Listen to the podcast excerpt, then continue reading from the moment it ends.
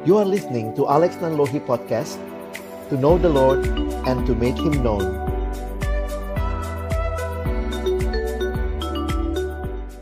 Mari kita berdoa sebelum kita membaca merenungkan firman-Nya. Kami datang dalam ucapan syukur terima kasih karena kami boleh menyatakan setiap keyakinan kami melalui doa, melalui pujian, melalui pengakuan iman dan tiba waktunya Tuhan bagi kami untuk membuka firman-Mu. Kami mohon bukalah juga hati kami, jadikanlah hati kami seperti tanah yang baik supaya ketika benih firman-Mu ditaburkan boleh sungguh-sungguh berakar, bertumbuh, dan berbuah nyata di dalam hidup kami. Berkati hambamu yang menyampaikan, setiap kami yang mendengar, berkati seluruh jaringan yang kami pergunakan, perangkat yang kami pakai, biarlah semuanya tidak menghalangi pesan firman Tuhan disampaikan dengan jelas, sehingga boleh kami aplikasikan di dalam kehidupan kami sebagai umatmu. Waktu ke depan, kami persembahkan dalam tangan pengasihanmu dalam nama Yesus. Kami sudah berdoa dan menyerahkan pemberitaan firman-Mu. Amin. Shalom, selamat sore Bapak Ibu yang dikasihi dalam Tuhan Yesus Kristus. Sore hari ini sama-sama kita akan merenungkan firman Tuhan dalam tema yang diberikan kepada kita yaitu walk by faith not by sight ya. Jadi ini jadi satu tema yang menarik untuk sama-sama kita pikirkan ya. Mari kita akan melihatnya. Ya, jadi saya ingin mengajak kita untuk boleh memahami tema ini dari bagian firman yang kita sama-sama sudah uh, atau diminta untuk kita pikirkan bersama. Bapak Ibu Saudara, kita masih dalam situasi corona dan ini sebenarnya awalnya kan hanya masalah kesehatan tetapi sekarang bukan hanya masalah kesehatan sudah menjadi masalah ya Bapak Ibu dalam uh, pelayanan di sekolah juga ya. Ini jadi masalah pendidikan. Dalam situasi ini ya kita juga jadi masalah pekerjaan kita ya. Bekerja harus dari tempat-tempat mungkin tidak semuanya bisa juga uh, harus masuk bergantian dan seterusnya dan juga termasuk masalah spiritual ya karena kita beribadahnya pun online. Tetapi sekali lagi ini semua semakin menunjukkan kepada kita bahwa Tuhan kita juga adalah Tuhan yang tidak terbatas dengan semua keterbatasan situasi yang kita alami. Apa yang kita akan sama-sama baca uh, sore hari ini diambil dari 2 Korintus 5 ayat 1 sampai 10 apa yang menjadi tema kita ada dalam salah satu ayatnya di dalam 2 Korintus 5 ayat 1 sampai 10 yaitu nanti kita akan lihat di dalam ayat yang ketujuh. Tetapi ya sebagaimana biasanya kadang-kadang kita tahu ayatnya tapi kita nggak mengerti konteksnya. Karena itu mari kita sama-sama membaca apa yang Paulus sampaikan dari ayat 1 sampai 10 untuk kita nanti bisa memahami ayat yang ketujuhnya. Saya sudah menuliskan seluruh ayatnya sehingga Bapak Ibu Saudara bisa mengikuti di layar. Karena kami tahu bahwa jika kemah tempat kediaman kita di bumi ini dibongkar, Allah telah menyediakan suatu tempat kediaman di sorga bagi kita. Suatu tempat kediaman yang kekal, yang tidak dibuat oleh tangan manusia. Selama kita di dalam kemah ini, kita mengeluh karena kita rindu mengenakan tempat kediaman sorgawi di atas tempat kediaman kita yang sekarang ini. Sebab dengan demikian kita berpakaian dan tidak kedapatan telanjang. Sebab selama masih diam di dalam kemah ini, kita mengeluh oleh beratnya tekanan karena kita mau mengenakan pakaian yang baru itu tanpa menanggalkan yang lama supaya yang fana itu ditelan oleh hidup. Tetapi Allah lah yang justru mempersiapkan kita untuk hal itu dan yang mengaruniakan roh kepada kita sebagai jaminan bahwa segala sesuatu yang telah disediakan bagi kita. Maka oleh karena hat, karena itu hati kami senantiasa tabah meskipun kami sadar bahwa selama kami mendiami tubuh ini kami masih jauh dari Tuhan. Sebab hidup kami ini adalah hidup karena percaya dan bukan karena melihat. Jadi Bapak Ibu cek konteksnya ya. Paulus lagi bicara tentang pengharapan akan tubuh kebangkitan yang mulia. Ayat 8. Tetapi hati kami tabah. Dan terlebih suka kami beralih dari tubuh ini untuk menetap kepada Tuhan. Sebab itu juga kami berusaha baik kami diam di dalam tubuh ini maupun kami diam di luarnya, supaya kami berkenan kepadanya. Sebab kita semua harus menghadap takhta pengadilan Kristus, supaya setiap orang memperoleh apa yang patut diterimanya sesuai dengan apa yang dilakukannya dalam hidup ini, baik ataupun jahat. Sedemikian jauh pembacaan firman Tuhan. Berbahagialah kita yang bukan hanya membacanya, tapi menyimpannya dalam hati kita, melakukannya dalam hidup kita, dan bahkan membagikannya. Bapak, ibu, saudara yang dikasihi Tuhan, apa yang Paulus sampaikan di dalam ayat-ayat ini menunjukkan apa yang dia yakini, ya. Di bagian yang kita baca, Paulus bicara tentang kemah. Paulus bicara tentang tempat kediaman. Apa yang dia maksud? Kalau kita memperhatikan bahwa dalam bagian ini Paulus membandingkan tubuh duniawi itu dia sebut kemah tempat kediaman kita di bumi dan tubuh kebangkitan kita di masa depan. Itu istilah yang Paulus pakai tadi di ayat yang pertama dan kedua. Ada ayat pertama secara khususnya. Bagaimana merindukan apa itu tempat kediaman di sorga bagi kita tempat kediaman yang kekal yang tidak dibuat oleh tangan manusia. Jadi kalau kita perhatikan, Paulus dengan jelas menyatakan bahwa tubuh kita saat ini dikatakan membuat kita mengeluh. Tetapi ketika kita mati, kita tidak akan mendapat atau kita tidak akan menjadi roh tanpa tubuh. Perhatikan istilah yang dia gunakan, kita nanti tidak kedapatan telanjang kita akan memiliki tubuh yang baru yang akan sempurna untuk kehidupan kekal kita. Banyak orang Kristen sebenarnya kurang paham tentang imannya, termasuk berkaitan dengan tubuh kebangkitan.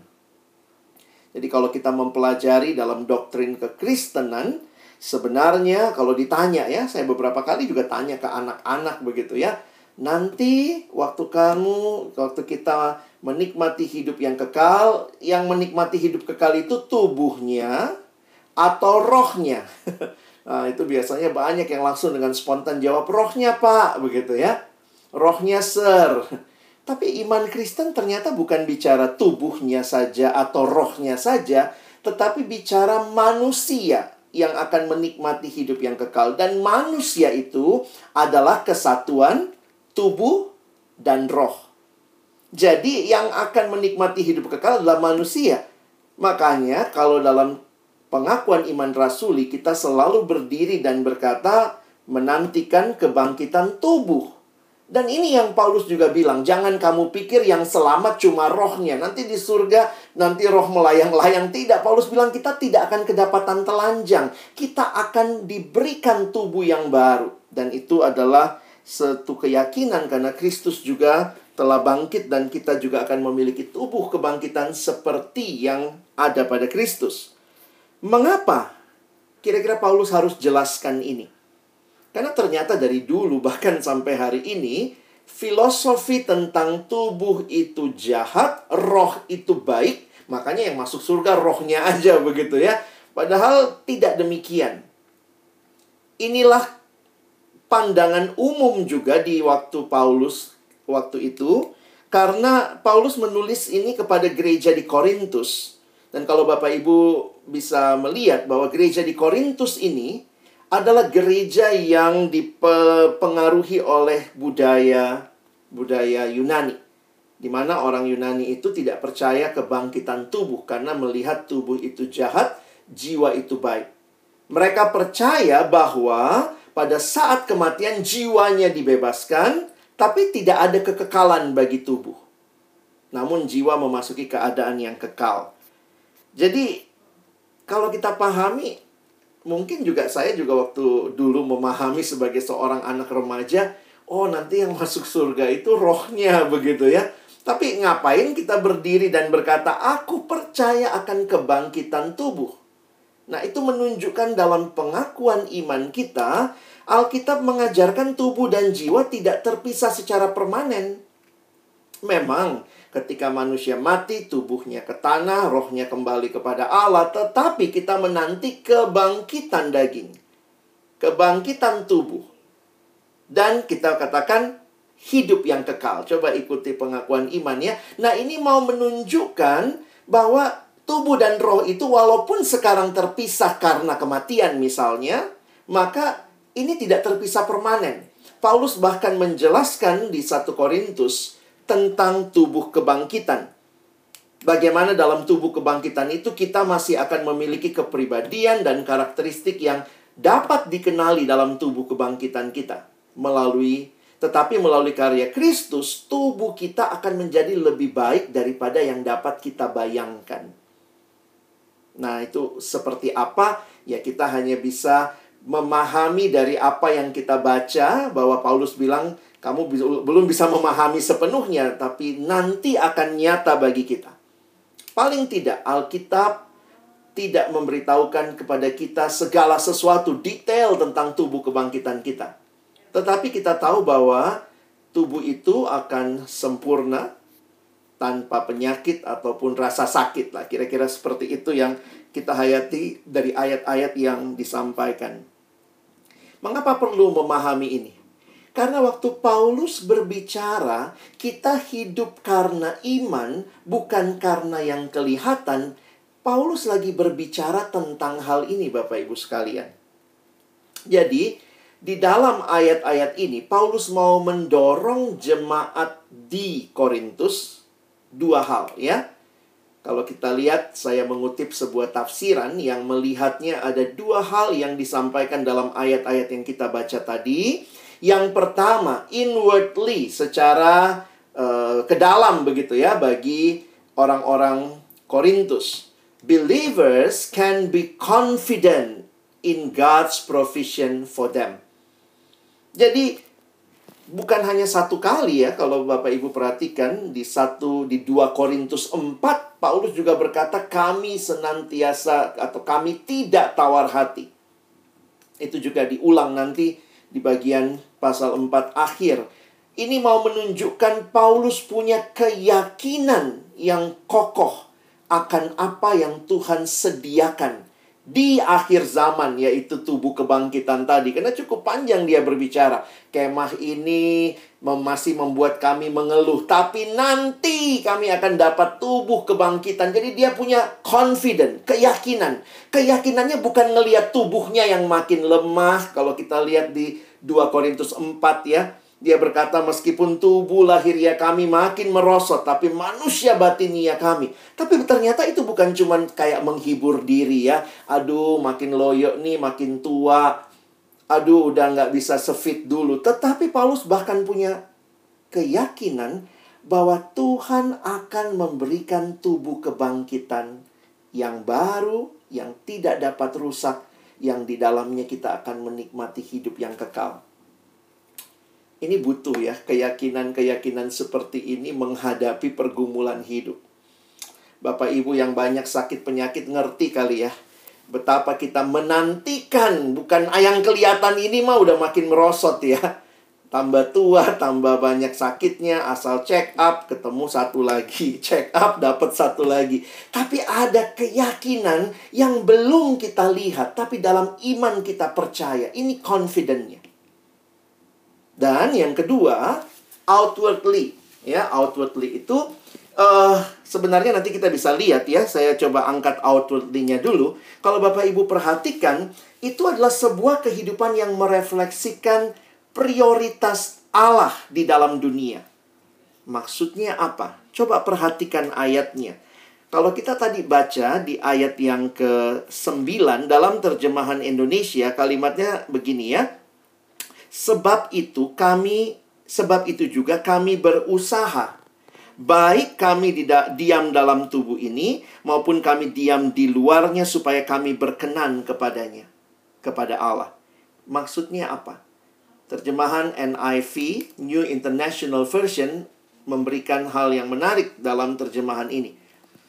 Paulus berkata, "So we make it our goal to please him, whether we are at home in the body, maksudnya di tubuh yang sekarang ataupun bukan dalam tubuh ini ataupun di luarnya." Perhatikan, make it our goal. Jadi jelas sekali Paulus punya keyakinan bahwa dari luar hidup yang sekarang dia nikmati jadi walaupun hidup yang sekarang ini ya, ya sakit-sakitan mungkin ya atau hidup tubuh yang sekarang ini juga belum menjadi seperti yang Tuhan janjikan, tapi goalnya dalam hidup yang sekarang prioritasnya adalah untuk memuliakan Tuhan.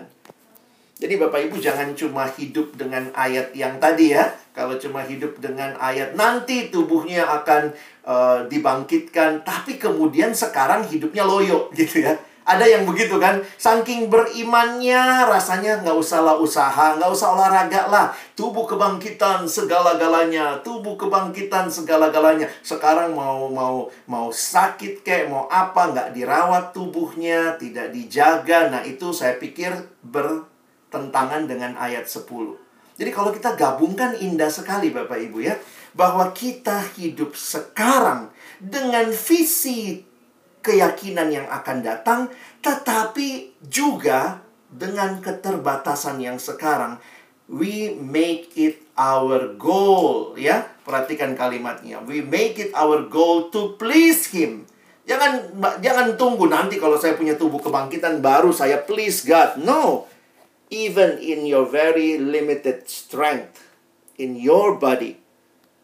Yuk kita melihat. Jadi Bapak Ibu saya harap kita dapat dua hal ini ya. Ini satu paket ya. Jadi jangan cuma ayat uh, tujuhnya saja. Karena ayat tujuh kalau kita tidak pahami secara utuh, kesannya lari dari kenyataan kan.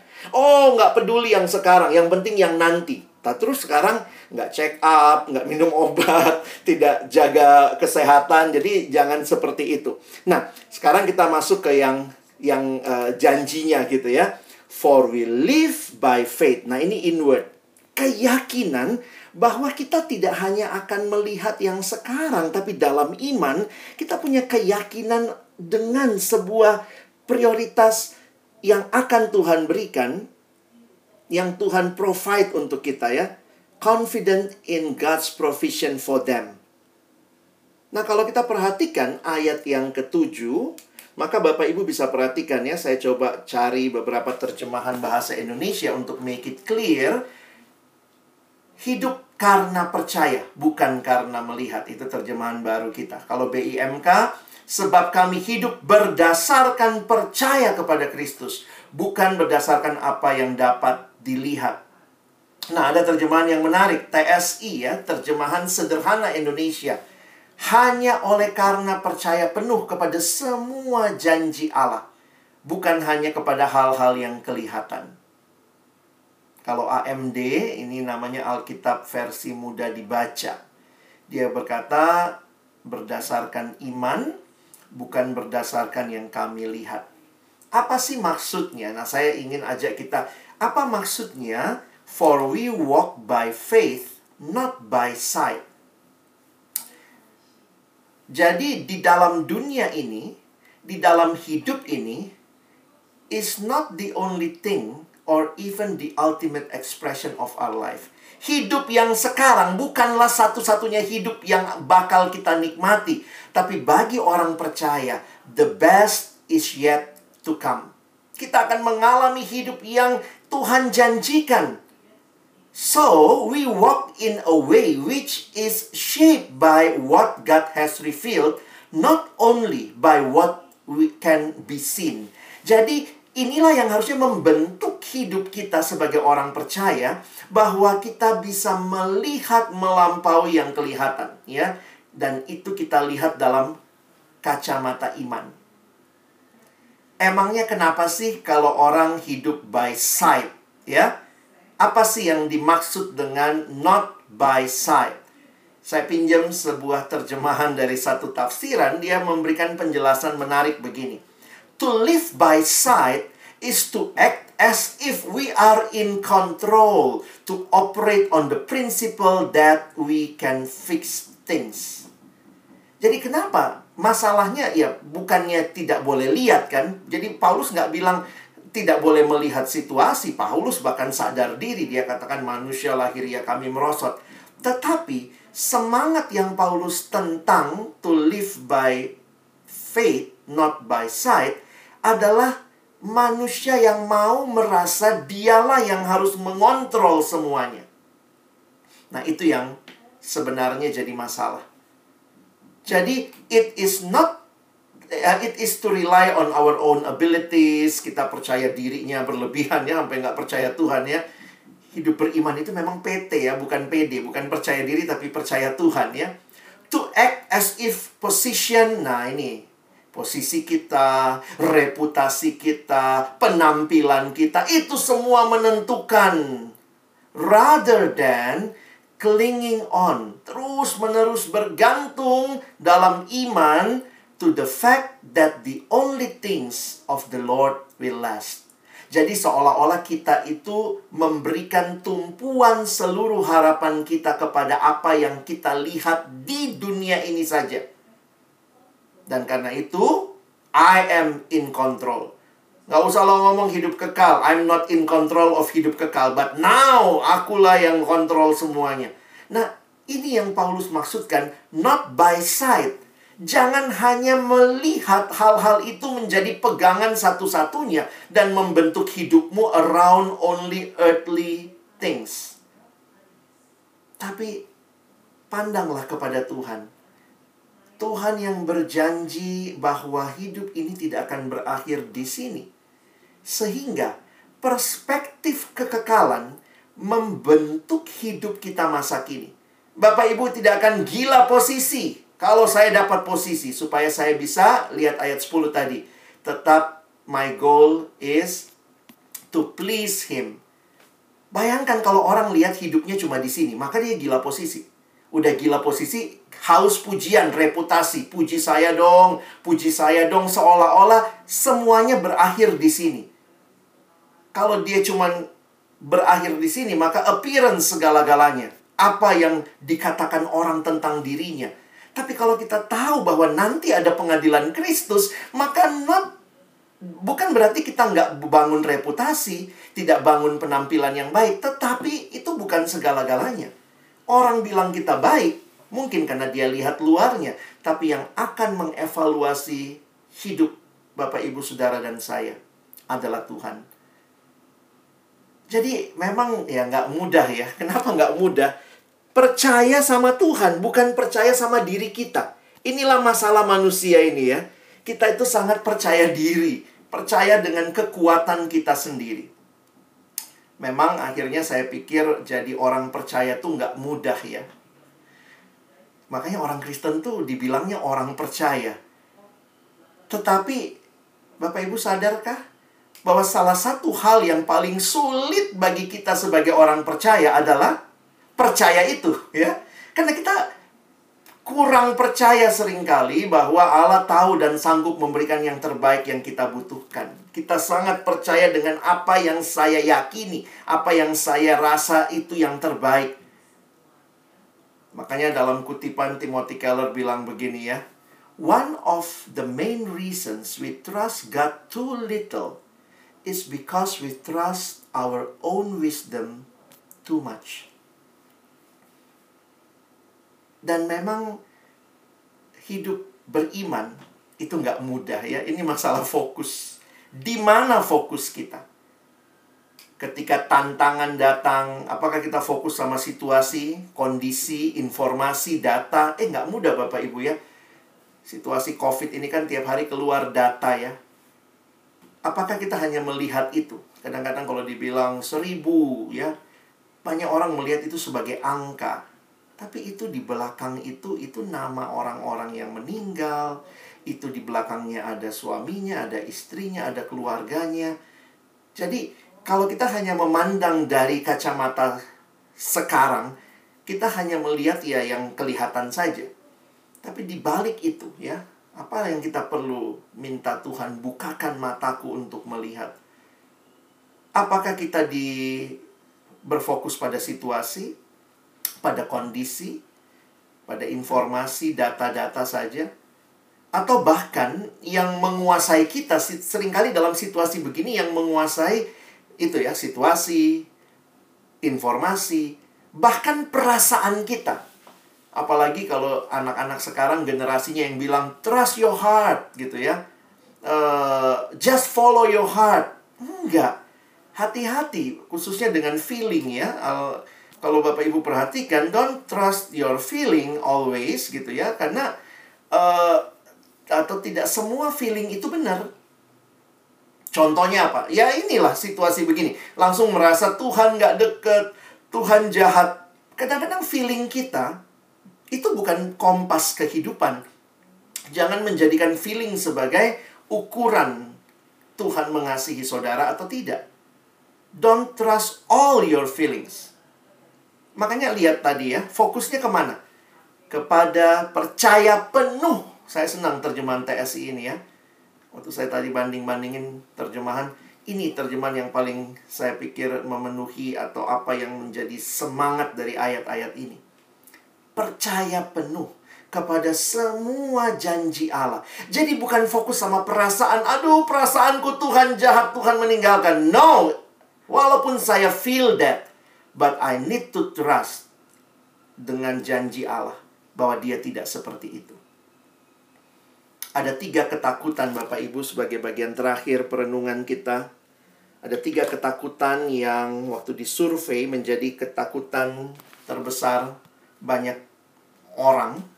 Jadi tiga teratas. Yang pertama itu ketakutan akan masa depan. Fear of the future. Ya benar ya, kita juga belum bisa lihat ke depan seperti apa ya. Tapi bagaimana? Apa yang kita pegang untuk melangkah ke depan? Kadang-kadang kita bisa pegang situasi karena situasinya memungkinkan. Kita bisa pegang data. Oh, ternyata dalam situasi ini. Tapi apakah itu pegangan satu-satunya? Justru harusnya kita berpegang kepada firman Tuhan. When you fear of the future, maka ada yang kita yakini. Kita bukan yakini situasinya karena kita juga belum tahu apa yang ada di masa depan. Tapi misalnya ya, kita baca Alkitab. Nah, janji Tuhan, janganlah hatimu iri kepada orang-orang berdosa, tetapi takutlah akan Tuhan senantiasa karena masa depan sungguh ada. Dan harapanmu tidak akan hilang. Bapak Ibu kalau lihat data, kadang-kadang data itu langsung bilang ya tahun depan sulit begini segala macam. Benar sih ya, itu berdasarkan research, survei, tapi mata iman kita harusnya bisa melihat kepada Tuhan melampaui situasi. Masa depan sungguh ada, harapanmu tidak akan hilang. Ini janji Tuhan. Nah, apa yang kita pegang nih? We live by faith or by sight. Ketakutan kedua, fear of failure, takut gagal. Dan ini ketakutan banyak orang. Anak-anak kita juga punya ketakutan itu. Tadi kita udah nyanyi ya, percayalah kepada Tuhan. Jadi akhirnya kita harus lihat lagi ya, bagaimana Tuhan meyakinkan kita dengan firman-Nya. Percayalah kepada Tuhan dengan segenap hatimu. Jangan bersandar kepada pengertianmu sendiri. Akuilah dia dalam segala lakumu, maka ia akan meluruskan jalanmu. Terakhir nih, fear of loneliness. Wah, ini juga jadi sesuatu yang menyedihkan. Dalam situasi COVID juga saya bahkan juga beberapa kali itu sampai uh, cukup uh, terpengaruh ya ketika orang-orang yang dekat yang dikasihi meninggal lalu kemudian meninggal dalam COVID, tidak ada keluarga yang bisa lihat penguburan juga semuanya by Zoom begitu ya, hanya beberapa orang yang bisa datang. Saya sempat mikir gitu ya, sepi banget gitu ya. Apa sedih banget orang yang meninggal seperti itu. Tapi waktu saya saat teduh Bapak Ibu ya, ada ayat yang kemudian Tuhan kayak bilang, kamu lihatnya dengan mata manusia. Kalau dia anakku, aku tidak akan meninggalkan dia. Aku gembala hidupnya. Dalam satu ibadah uh, penghiburan yang saya pimpin, bicara Mazmur 23, saya pikir, ya kita lihatnya sedih ya, kita sampai nangis kalau kita tahu orang yang kita deket harus meninggal dalam covid ini nggak ada yang bisa nemenin tapi waktu saya menyadari bahwa Allah tidak meninggalkan wow Bapak Ibu, apa yang sebenarnya sedang memimpin kita? Perasaan kita kah? Dan perasaan membuat kita sering kali lupa bahwa banyak janji Tuhan. Kamu adalah sahabatku. Tuhan katakan itu. Inilah keindahan hidup kita. Bukan berarti tidak ada masalah, tetapi keindahan hidup karena ada Tuhan yang berjalan bersama kita melewati semua masalah. Mari kita benar-benar bangun hidup yang berpengharapan kepada Tuhan. Yesaya mengingatkan jangan berharap pada manusia. Tidak manusia tidak lebih dari embusan nafas. Do not walk by sight, but walk by faith. Karena itu iman harus dibangun Bapak Ibu ya. Gimana bangunnya ya saya pikir kita udah tahu lah tiga hal ini. Roh Kudus berdiam dalam diri kita, firman Tuhan menuntun hidup kita. Kalau perasaan kita bilang Tuhan gak sayang, maka jangan pegang perasaan, pegang firman Tuhan. Itu kebenaran, itu patokan hidup. Baca kitab suci, doa tiap hari, menolong kita bertumbuh dalam iman. Kita kan harus walk by faith. Ayo baca Alkitab sama-sama. Ini bukan sekadar sesuatu yang uh, kita belum tahu ya, sudah kita pahami. Dan kita punya komunitas komunitas sesama orang percaya yang mau sungguh hidup bagi Tuhan. Walk by faith adalah sebuah perjalanan iman yang Bapak Ibu juga harus membangunnya dengan terus fokus kepada Tuhan. Jalanilah hari-hari ke depan bukan dengan mengandalkan diri, walk by sight, tetapi mengandalkan Tuhan. Pegang janjinya, karena itu janji-janji yang menghidupkan kita. Mari berdoa. Tuhan terima kasih buat firman-Mu. Tolong kami sekali lagi. Bukan cuma jadi pendengar-pendengar yang setia. Mampukan kami jadi pelaku-pelaku firman-Mu. Hamba berdoa jika ada Bapak Ibu yang merasa ketakutan dengan pergumulan hidup, pergumulan keluarga, pergumulan dunia, COVID ini, Tuhan hiburkan dengan janji-janjimu. Bagi Bapak Ibu sekalian yang mungkin juga mengalami ketakutan akan kegagalan, hal-hal yang direncanakan tidak berjalan sebagaimana mestinya. Tuhan tolong kami berpegang pada janji-janji firman-Mu yang tetap melihat Tuhan bahkan di situasi yang paling sulit. Dan jika ada Bapak Ibu yang merasa kesepian di tengah-tengah situasi yang terjadi, ingatkan ada Tuhan yang berjalan dan tidak akan pernah meninggalkan. Dan itulah keyakinan kami. To walk by faith, not by sight. Kami bersyukur. Tolong kami bukan cuma jadi pendengar, tapi jadi pelaku firman-Mu. Dalam nama Yesus kami berdoa. Amin.